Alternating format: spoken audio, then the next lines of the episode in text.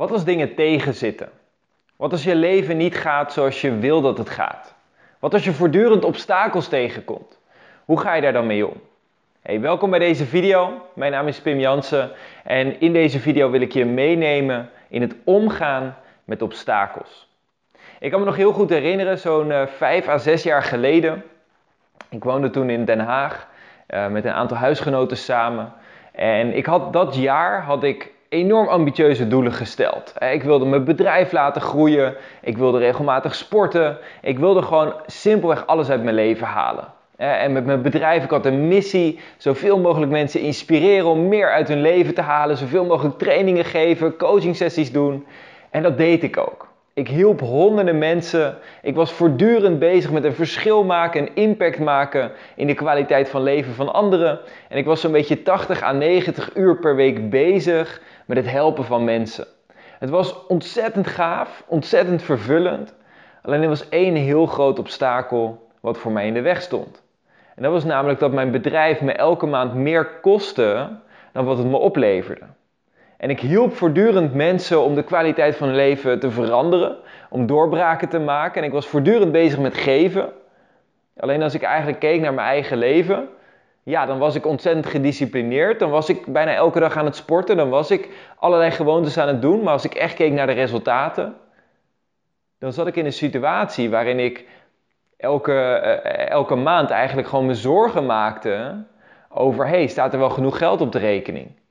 Hè, waar ik kan me nog heel goed herinneren op een gegeven moment dat ik naar een huisgenoot toe moest gaan om te zeggen: hey, uh, het bedrijf maakt niet genoeg omzet kan ik voor jou misschien wat geld lenen, want ik wil het eten kopen.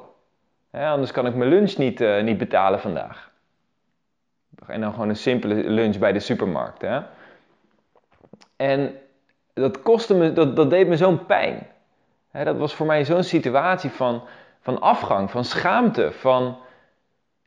hier ben ik, andere mensen vertellen hoe ze hun leven kunnen leiden, hoe ze meer uit zichzelf kunnen halen.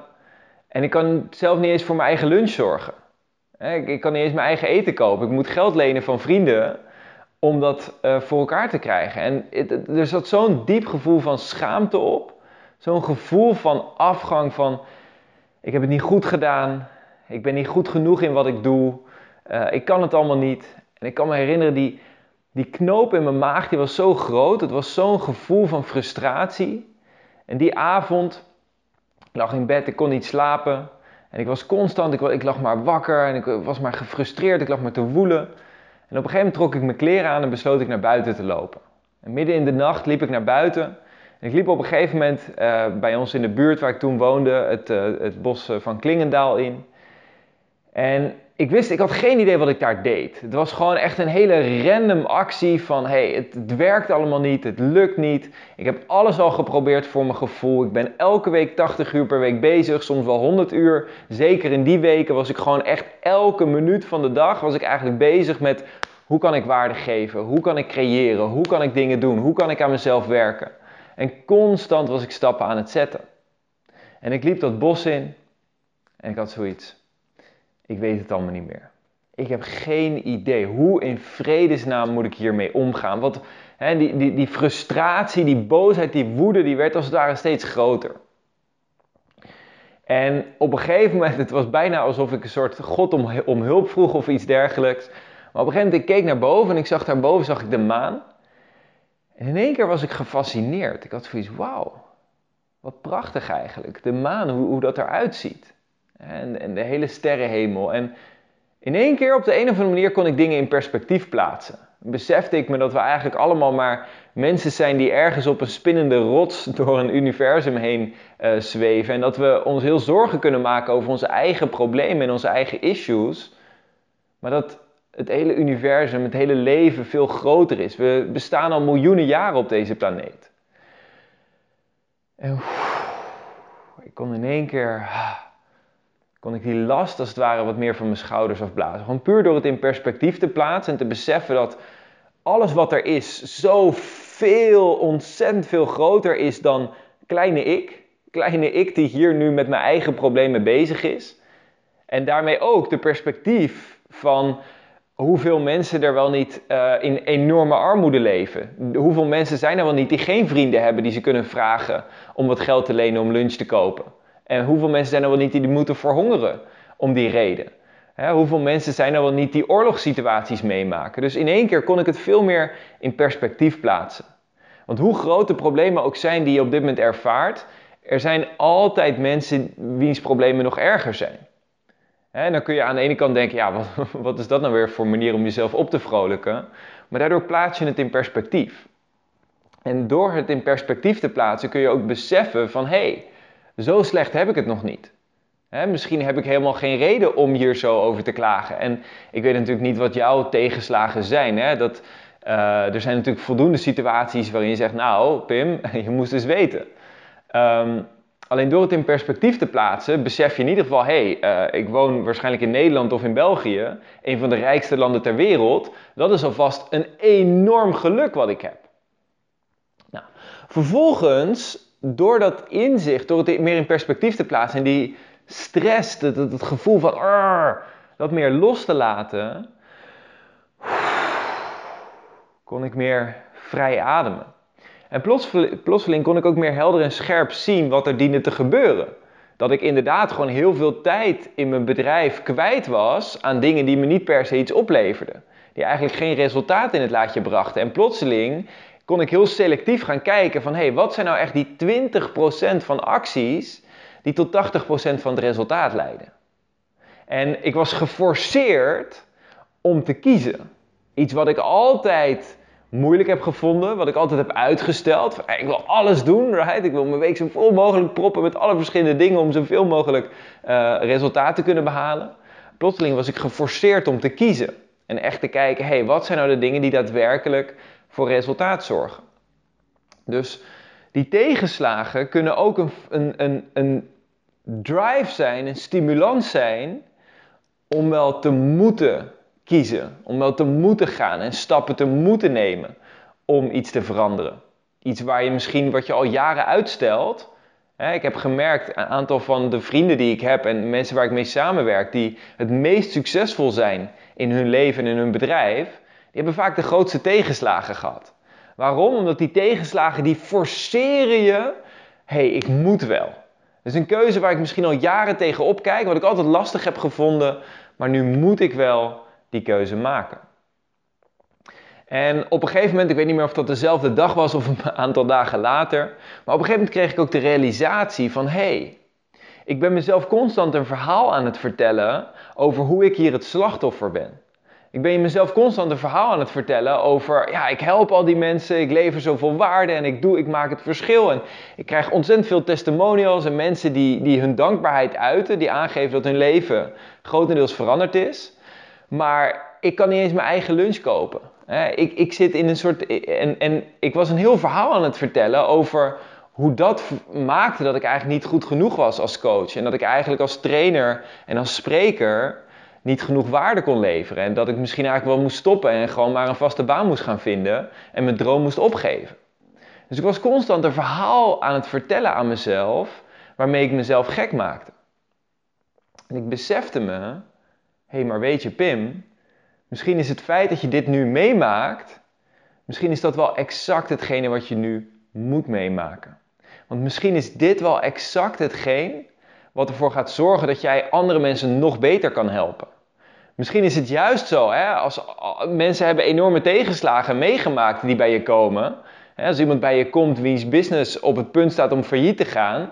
En je hebt zelf nooit echte obstakels meegemaakt. Je hebt het nooit echt zwaar gehad in je leven. Hoe kan je dan in vredesnaam relateren aan de problemen van iemand anders? Hoe kan je dan in vredesnaam iemand echt met compassie helpen om daaruit te komen? En toen besefte ik me, hey, misschien is dit wel juist de gift die ik nodig heb.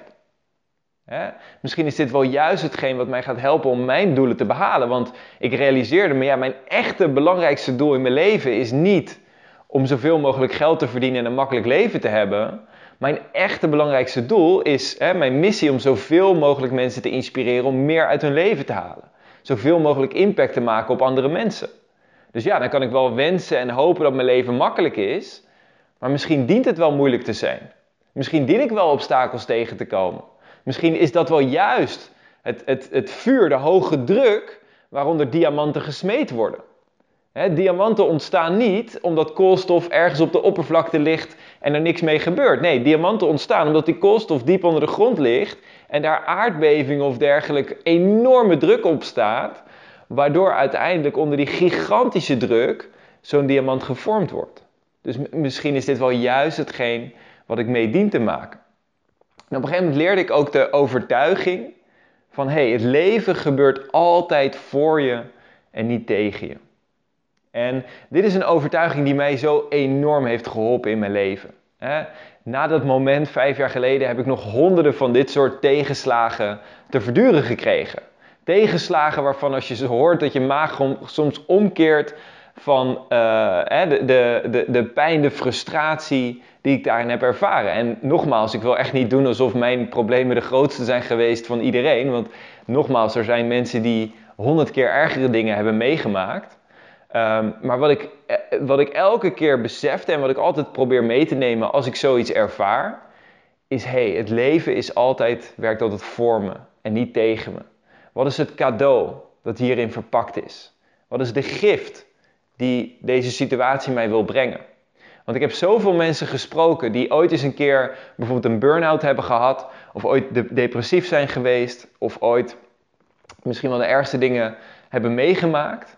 En die dan vervolgens zeggen: Weet je, dat heeft me uiteindelijk op het pad gebracht om met zelfontwikkeling aan de slag te gaan. Dat heeft me uiteindelijk op het pad gebracht om echt volgens mijn hart te gaan leven en echt te gaan doen wat ik leuk vind. Of dat heeft me op het pad gebracht om te stoppen met pleasen en nu echt voor mezelf op te komen en te doen wat ik belangrijk vind. Dus als al die mensen aangeven dat de grootste obstakels in hun leven uiteindelijk vaak de grootste cadeaus zijn geweest, omdat dat hun heeft gemotiveerd om die belangrijke stappen te zetten. Misschien is dat dan ook wel zo voor de obstakels die je op dit moment ervaart. En ik weet natuurlijk niet of dat zo is of niet, maar ik kan je wel vertellen uit eigen ervaring, als je gelooft dat het zo is, dan gaat het je vele malen meer opleveren dan als je gelooft dat je het slachtoffer bent en dat al die dingen jou overkomen omdat jij simpelweg pech hebt en omdat jij simpelweg niet voorbestemd bent om gelukkig te zijn of geluk te hebben in je leven. Allemaal dingen die ik honderden keren tegen mezelf heb gezegd ooit in mijn leven. Maar als je die knop omdraait en dat stukje verandert, dan kan er magie ontstaan. En dan kunnen er prachtige veranderingen kunnen ontstaan. Goed, ik hoop dat je dit een waardevolle video vindt. Als je deze video waardevol vindt, druk even op het duimpje omhoog. En als je mensen kent die deze boodschap op dit moment nodig hebben, die ook behoefte hebben aan een stukje extra inspiratie, die misschien tegen tegenslagen op dit moment in hun leven aanlopen en misschien een stukje steun of inspiratie zoeken daarin, wil ik je uitnodigen om de video te delen. Je kunt de video delen op je tijdlijn, op Facebook of Instagram of via YouTube of misschien per e-mail of per WhatsApp. Als je deze video stuurt naar iemand waarvan je het gevoel hebt van hé, hey, diegene zou ik hiermee kunnen helpen. Het zou zomaar een heel grote gift kunnen zijn. Dan uh, ben ik ontzettend dankbaar als je dat doet. Nou, verder, als je meer van dit soort video's wil zien, abonneer je op mijn YouTube kanaal. En dan wens ik jou vandaag een prachtige dag toe. Of volg me op Instagram, Facebook, noem het maar op. Nogmaals, een prachtige dag gewenst vandaag. En bij deze, ciao ciao.